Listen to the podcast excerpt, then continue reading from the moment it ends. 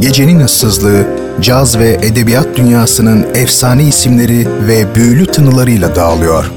Renkli harmoniler, unutulmaz sesler, tarihe iz bırakmış şairler ve yazarlar. Artık hepsi şehrin en gerçek frekansında. Leyla Ceren Koç'la Caz Bulvarı her pazar 23'te 93.5 Radyo Gerçek'te. Caz Bulvarı başlıyor.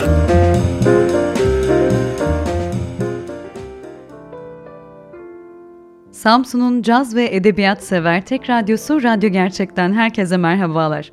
Ben Leyla Ceren Koç'la birliktesiniz ve bu haftada birbirinden değerli iki ismin hayat hikayeleri ve eserleriyle Caz Bulvarı'nda sizleri buluşturmaya çalışacağım.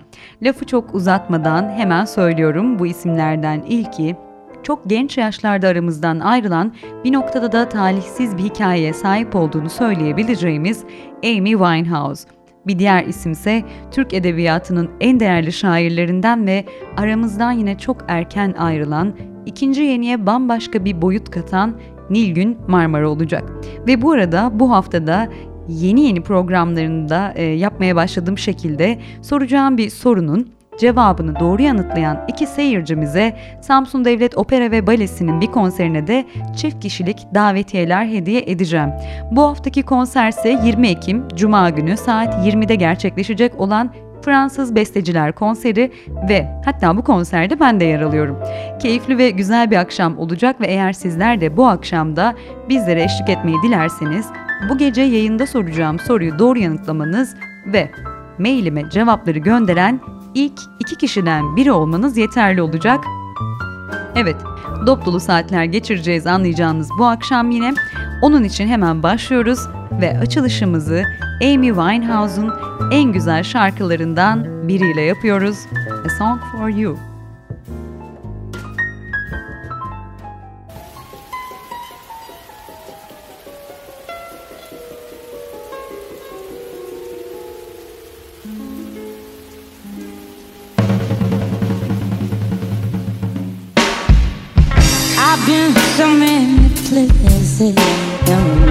Driving down.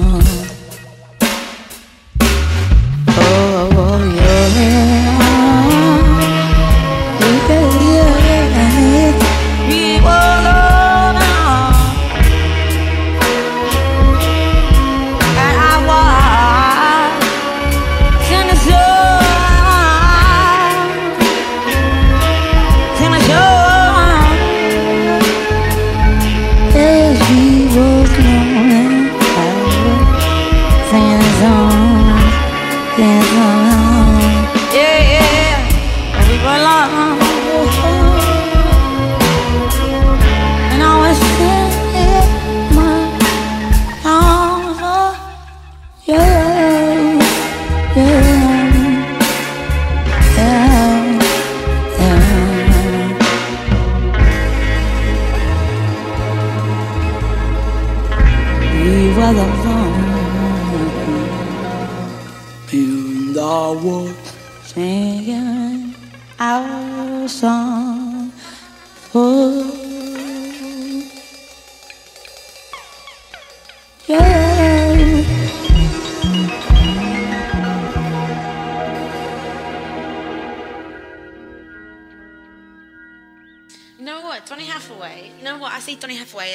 Mike Harley and Anderson.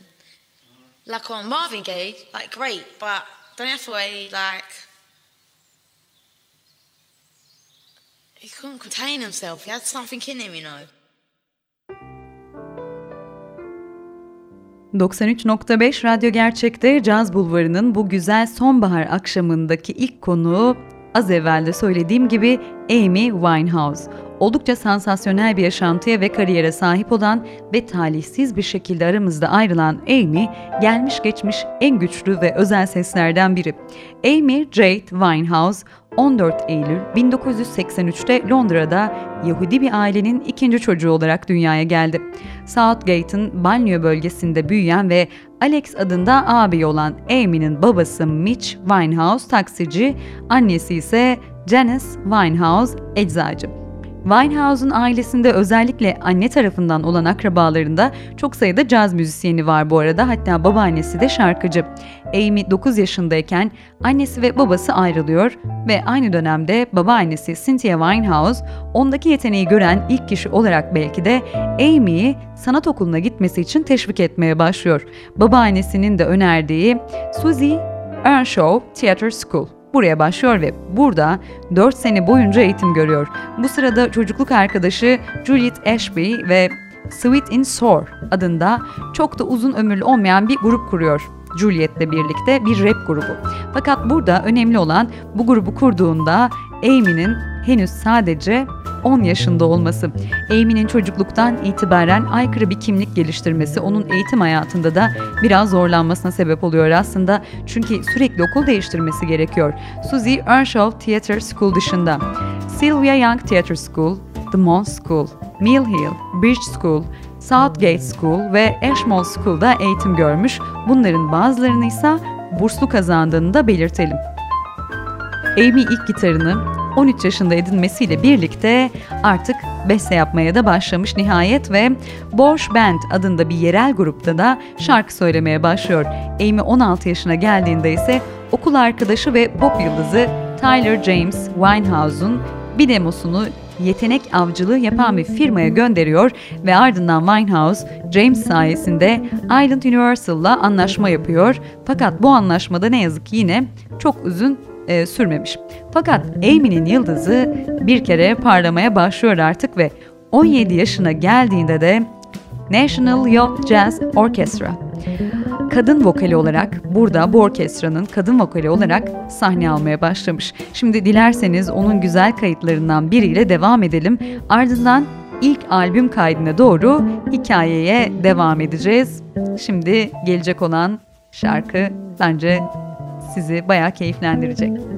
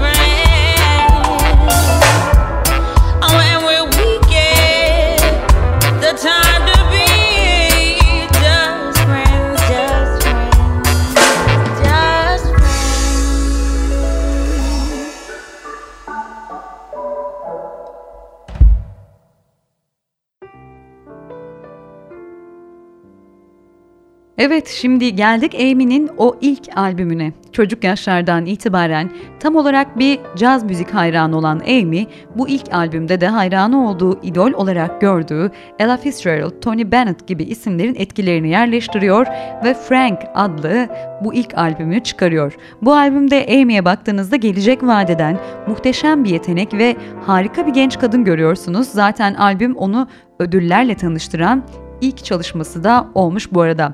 Brit ödüllerinde kadın solo sanatçı ve kentsel eylem dallarında aday olan Winehouse, Stronger Than Me ve Ivor Novello şarkı sözü ödüllerinde en çağdaş eser dalında ödül almış. Tabi yavaş yavaş tanınmaya başlıyor, ufak ufak hayran kitlesi oluşuyor ve bu dönem verdiği bir röportajda ise oldukça ilginç. Çünkü şöyle bir cümle kurmuş. Ünlü olabileceğimi düşünmüyorum. Bununla başa çıkabileceğimi de. Ünlü olsaydım çıldırabilirdim. Yani aslında çok da öyle göz önünde bir yaşamı arzulayan biri değil, sadece tek derdi müzik yapmakmış Amy'nin. Ve onun yaşantısını kötü anlamda etkileyen en önemli etkenlerden birinden bahsetmeden de geçmeyelim tabi. Zaten bundan bahsetmeden Amy'nin yaşantısını anlatmak, kısa yaşantısını anlatmak da pek mümkün değil. O etkende ileride eşi olacak olan Blake Feller Civil.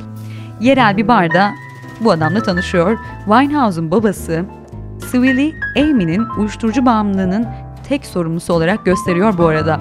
Amy ile Black arasında tutkulu ama bir o kadar da sorunlu bir aşk başlıyor. Yakınlarının anlattığına göre Amy, Blake ile tanıştıktan sonra hızlı bir şekilde değişmeye başlıyor. Alkol bağımlılığı zaten olan bol bol tüketen Amy, Blake sayesinde uyuşturucuyla da tanışıyor.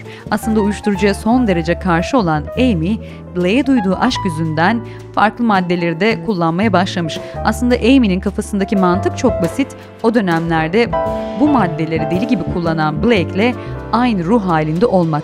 Aksi takdirde ona ulaşamadığını, yalnız kaldığını düşünüyormuş. Bu derece bir aşkla bağlı olduğu Blake ise Amy'yi bırakıp eski kız arkadaşına döndüğünde elbette Amy ciddi bir bunalıma giriyor ancak bu durumdan olumlu bir sonuç da ortaya çıkarıyor yine ve her zerresinde Blaine varlığı hissedilen Back to Black albümünü yayınlıyor Amy. Şimdi dilerseniz öncelikle Amy'nin ilk albümünden, Frank albümünden I Heard Love Is Blind ardından da Back to Black albümünden Love Is A Losing Game dinleyelim.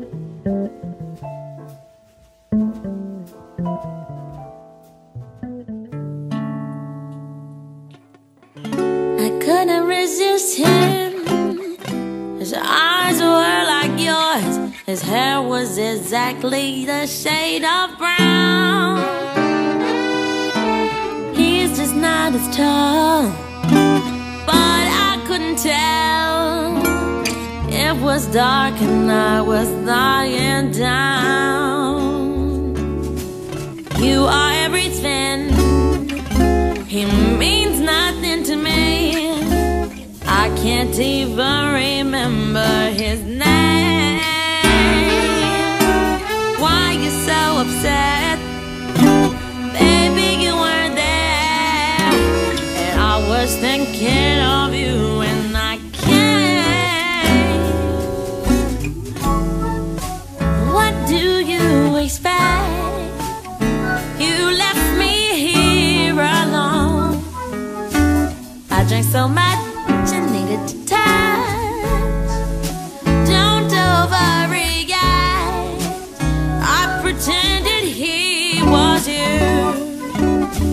You wouldn't want me to be lonely. How can I put it so you understand? I didn't let him hold my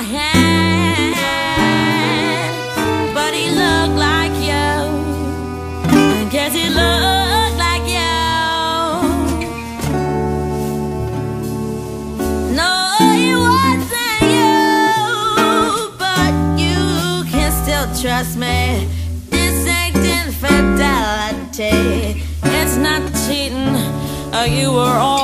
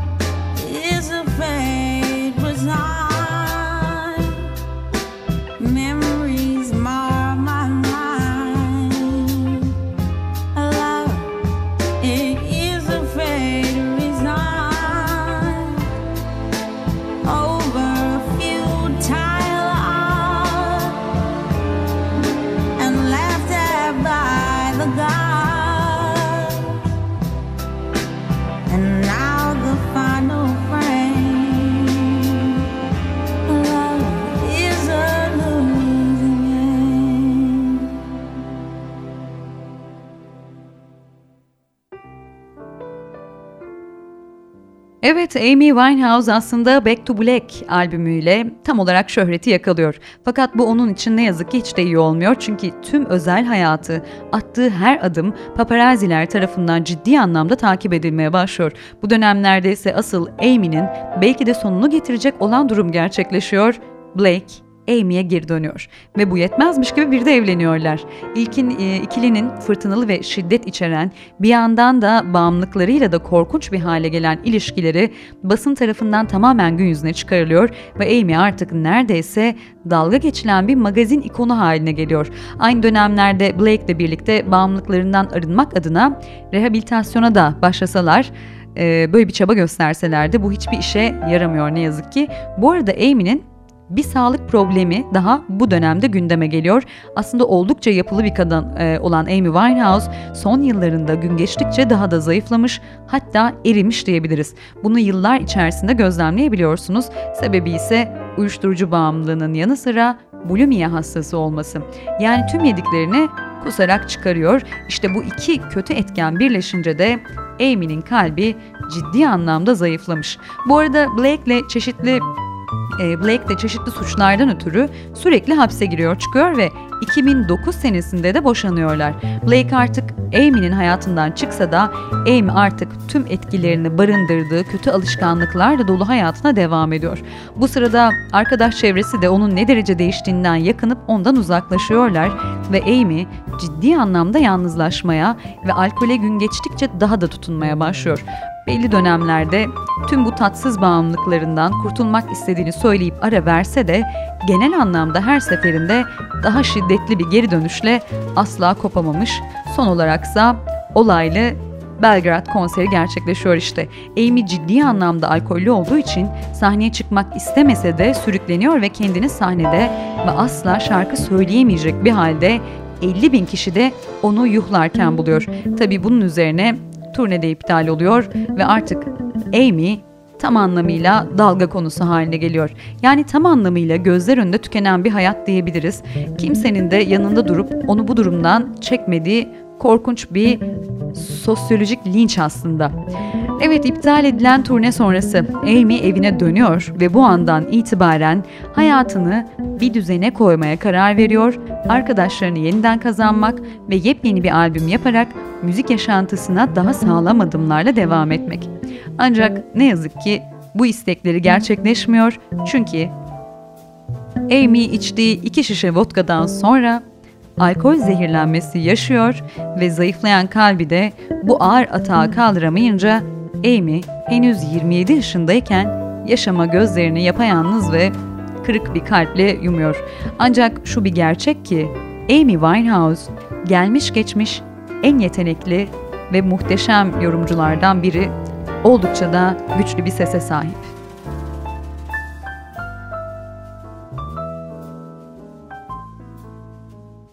Nobody's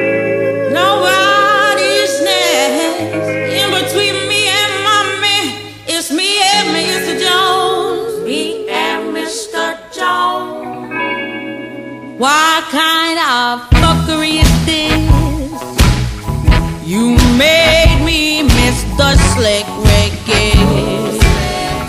Have thought I didn't love you when I did.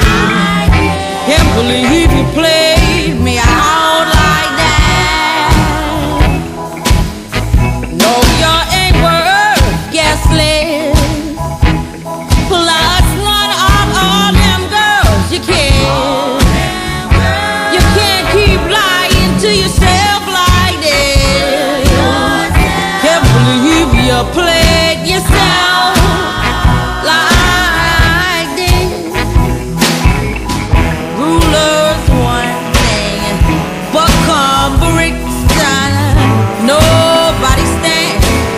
in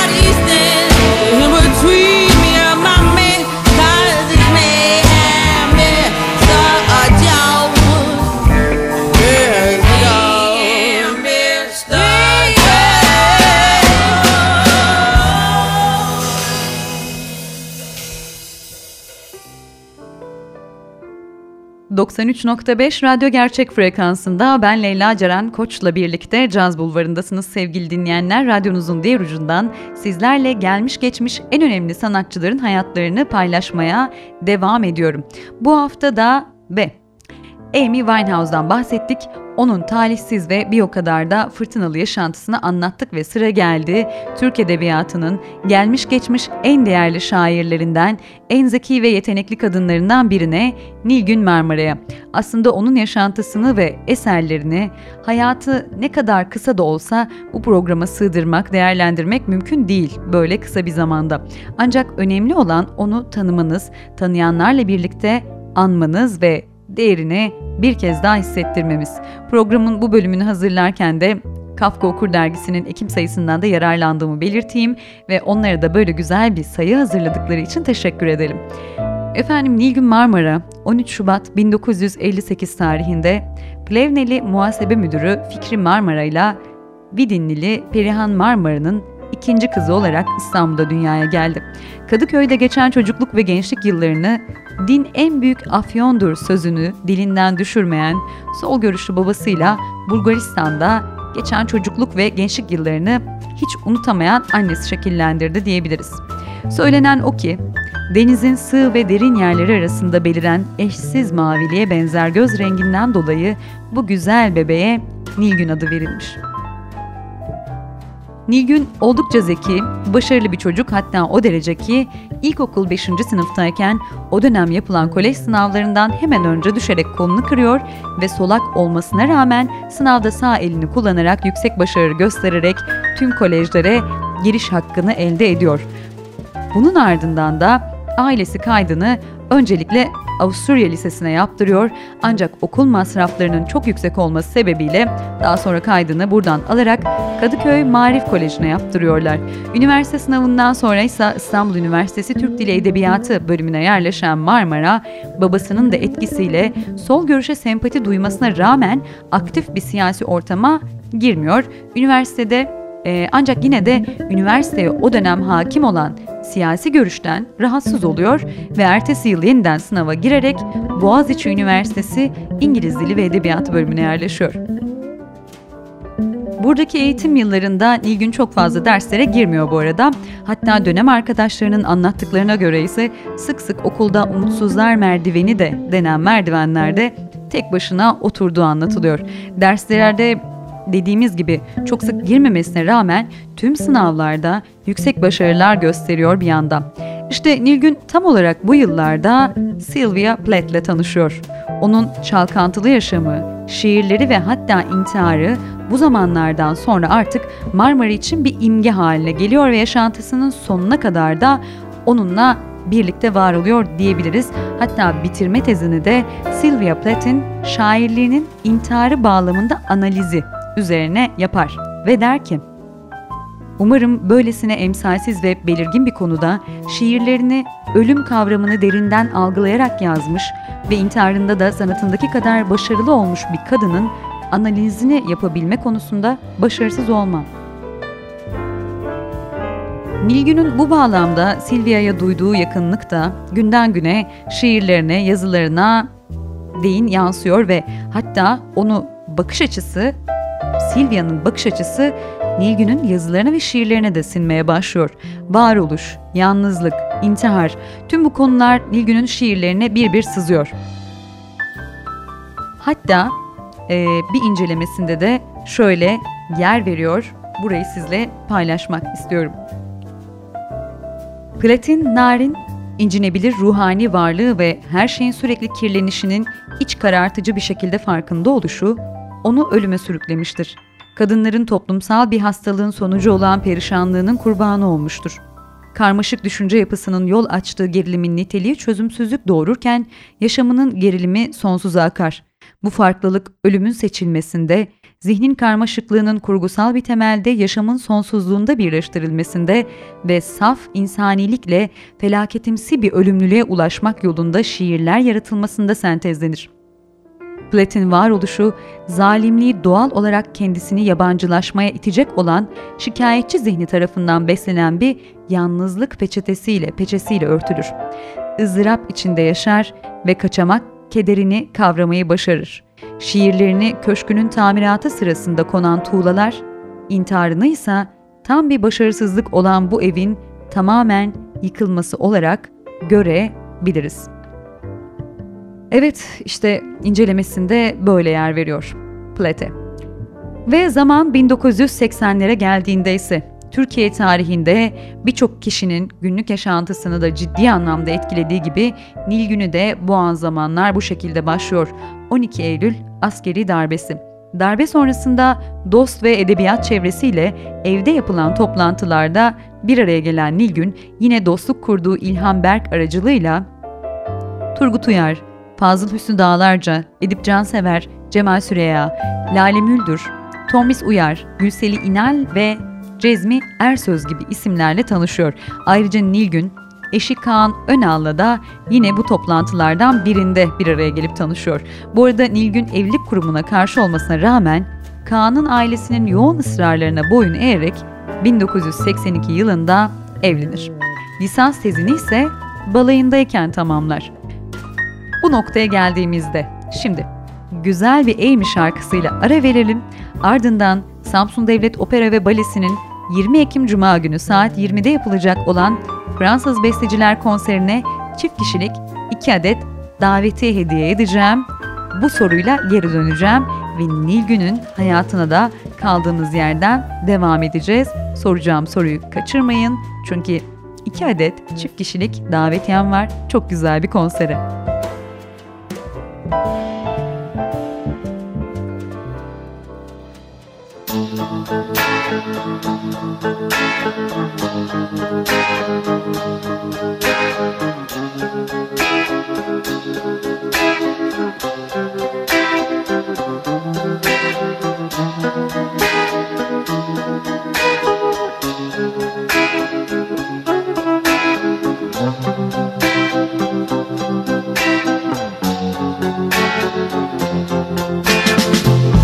It's okay in the day. I'm staying busy, tied up enough so I don't have to wonder where is he. Got so sick of crying, so just lately. When I catch myself,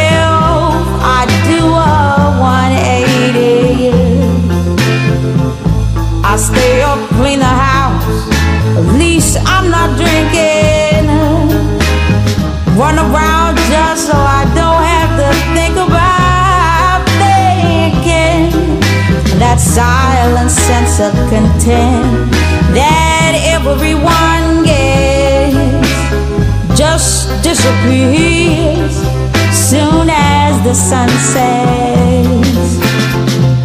His fierce in my dreams, seizing my guts. He, he floods me with dread. In soul, he swims in my eyes by the bed. Pour myself over him,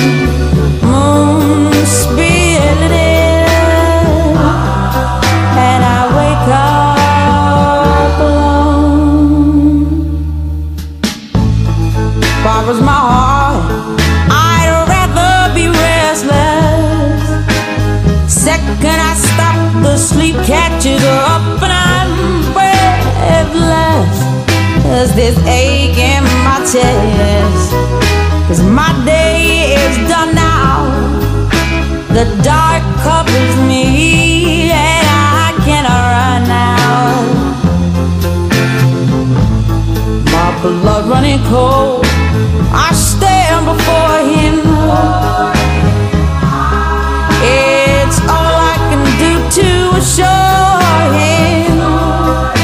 When he comes to me, I drift for him tonight. Drowning in me, we bathe under blue light. Fits in my dreams, seizing my guts. He, floods me with dread. In soul, he swims in my eyes by the. Pour myself over him, mm, spilling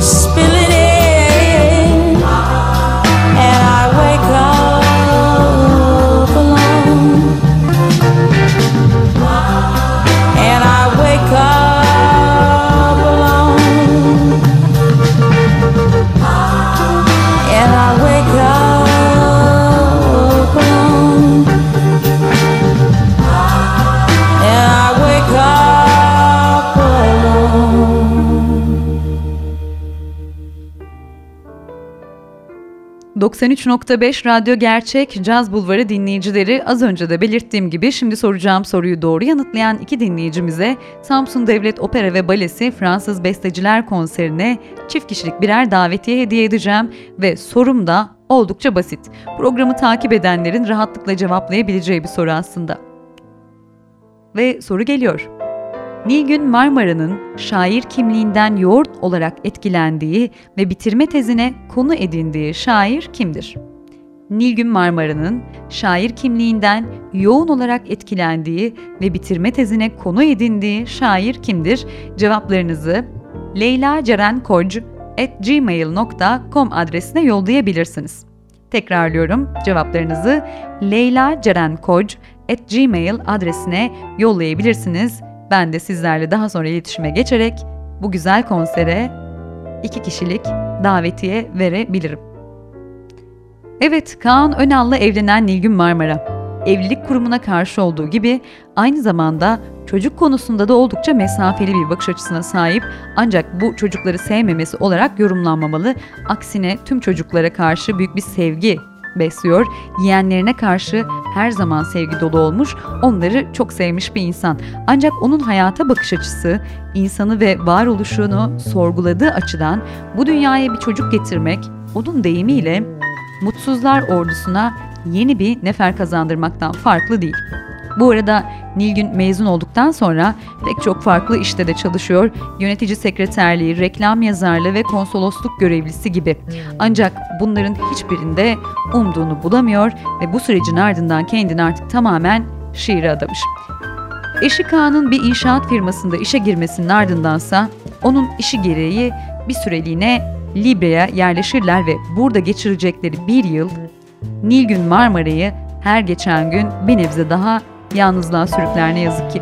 Uzun süredir şiir yazmasına rağmen yazdıklarını kimseye göstermeyen Nilgün için Libya'da yavaş ilerleyen zaman aynı zamanda şiirlerini daktiloya dökmesi için de bir fırsat olmuş.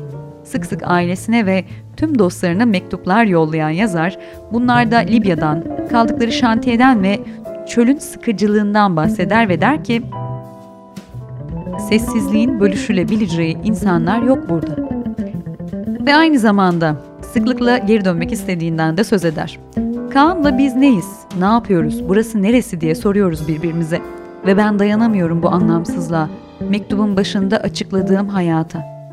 Hayali eklenme çabası ve potansiyeli de olmasa çoktan dönerdim sanırım.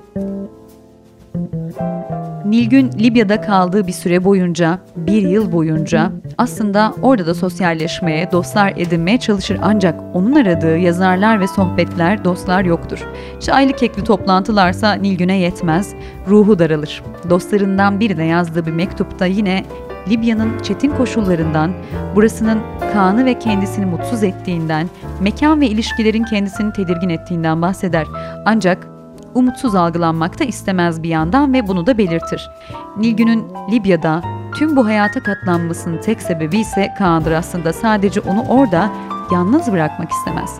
Ancak bir yandan da tüm bu koşullar onun ruhsal sağlığını giderek daha da kötü bir şekilde etkiler ve hatta tüm bunlar dizelerine de yansır elbette. Libya'da geçirdikleri bir yılın ardından evlerine dönseler de Nilgün için artık durum pek değişmez o iyiden iyiye tam bir bunalım hali yaşamaktadır. Hatta psikiyatra gittiği halde sonuç alamamış. Doktoru Nilgün'ün eşi Kaan'la bir görüşmesinde işlerin çok zor olduğunu, onun hem çok zeki hem de kültürlü olduğunu, iyileşebilmek için bir süre okumaya ve yazmaya ara vermesi gerektiğini söyler ve manik depresif tanısını koyar. Tabi bu sebeple de ilaç kullanması da gerekmektedir ancak Nilgün için bu ölümün bambaşka bir rengi çünkü bu ilacı kullandığı sırada tüm entelektüel faaliyetlerden de uzak kalması gerekecektir. Bir süre ikna edilmeye çalışılsa da ve hatta Nilgün öldüğü gün tedaviye başlayacağını söylese de bu işte asla gerçekleşmez.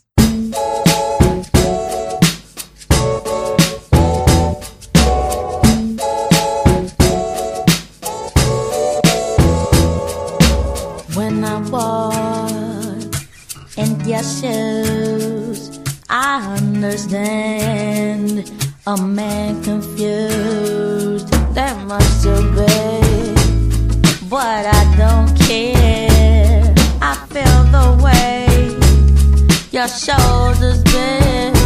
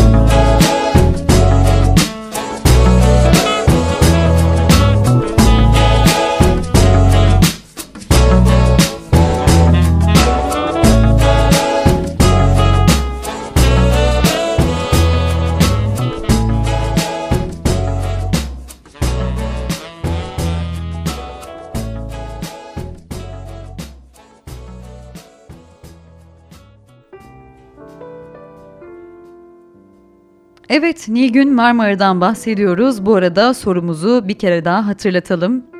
Nilgün Marmara'nın şair kimliğinden yoğun olarak etkilendiği ve bitirme tezine konu edindiği şair kimdir? Nilgün Marmara'nın şair kimliğinden yoğun olarak etkilendiği ve bitirme tezine konu edindiği şair kimdir? Cevaplarınızı Leyla Ceren Korcu gmail adresine yollayabilirsiniz. Soruyu doğru yanıtlayan iki dinleyicimize Samsun Devlet Opera ve Balesi'nin 20 Ekim Cuma saat 20'de gerçekleşecek olan Fransız Besteciler konserine 2 adet çift kişilik davetiye hediye edeceğim. Ayrıca bu konserde ben de bulunuyorum. Bunu da bir kez daha belirtelim. Evet, Nilgün'ün yaşamının sonlarında artık sonlarına doğru yaklaştık. O acı güne geldik. Hep yürüyen biri olmak istenmez. Yürümek sürekli izlenimdir. Duraklamak ve düşünceyi beklemektir yolun varlık kanıtı. Dural bir yol isterim. Öyle bir yol ki hem yürüyüş duyumunu yaşatacak hem de duruk diye yazmış 21 yaşındayken. 23 yaşındaysa borçluyuz daha çok yaşamaya demiş. 24'ünde ise arada olmaya isyan etmiş. Burada daha ne kadar öleceğim? Yeryüzüyle gökyüzünün aracısı olarak bulutu haraca kestiğiniz yerde. Ben size alışamam. Umutsuzluk, yaşamdan beklentisinin kalmaması ya da yaşamını tamamlama isteği, varoluş sancıları, erkek egemen edebiyat dünyası, babasını çok küçük yaşta kaybetmesi ve dış dünyaya karşı olumsuz duygular beslemesi işte hepsi onu doğruca Kızıl Toprak'taki o evin balkonuna sürüklemiş. 13 Ekim 1987'de Terra Rosa adını verdiği şairlerin ve yazarların toplanma yeri olan o evin 5. katından kendini boşluğa bırakmış Nilgün.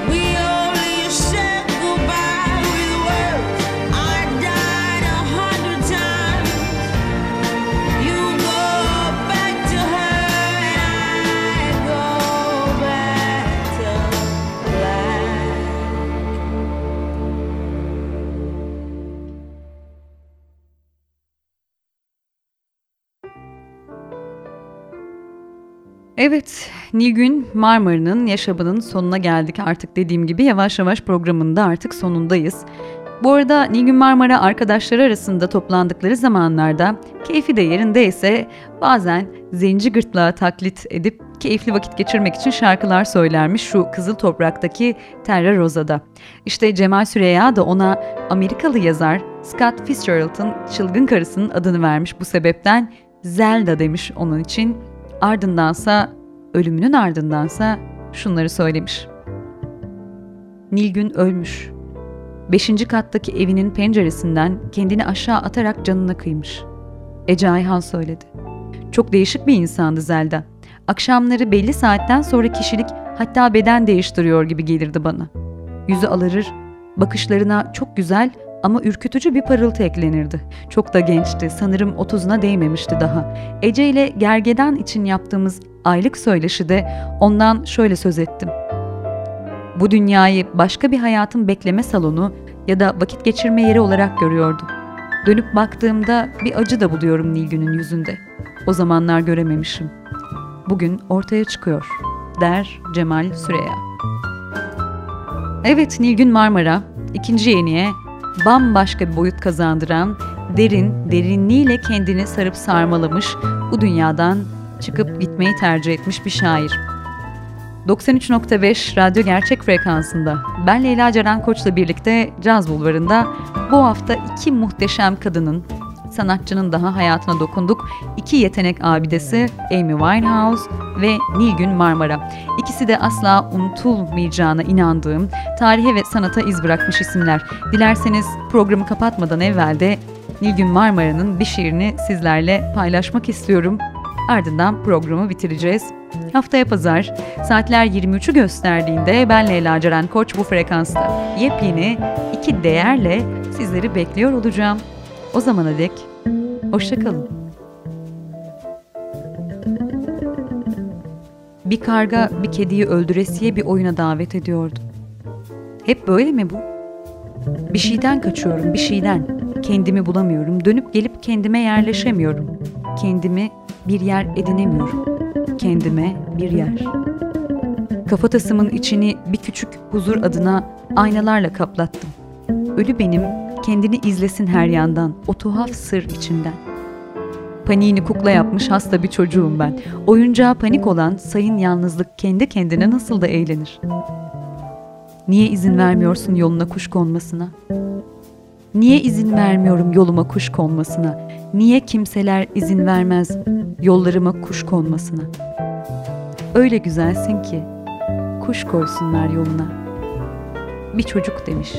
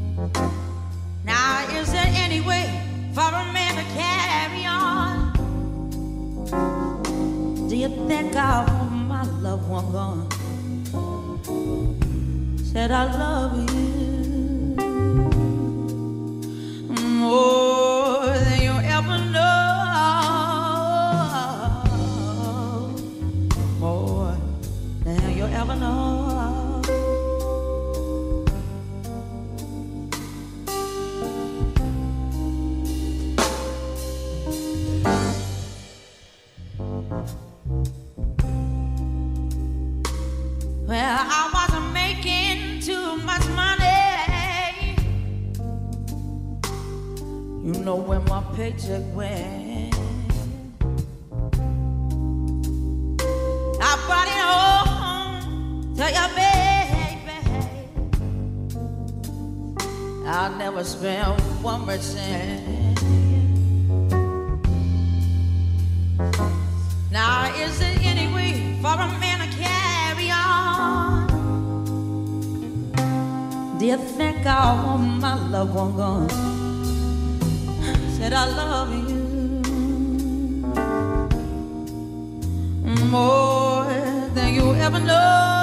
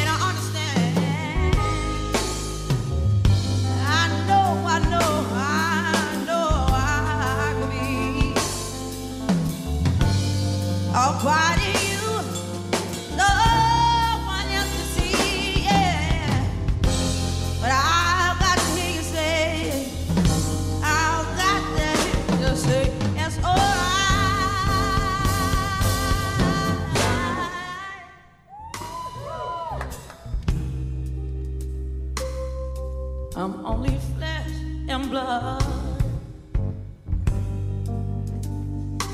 But I can be anything that you demand.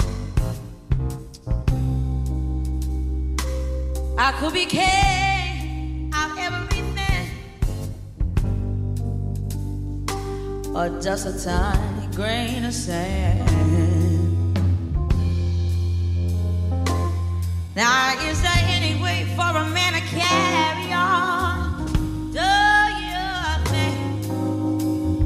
I want my loved one gone? Said I love you more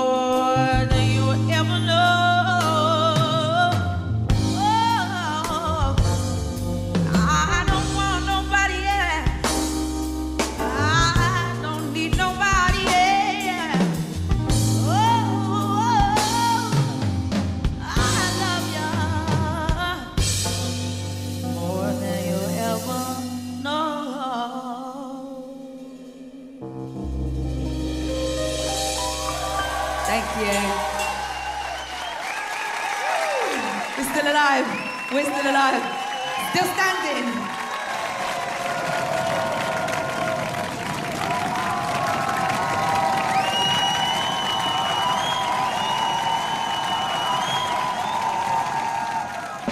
Caz Bulvarı sona erdi. Bu program hakkındaki düşüncelerinizi dinleyen et radyogercek.com adresine mail atarak bize ulaştırabilirsiniz.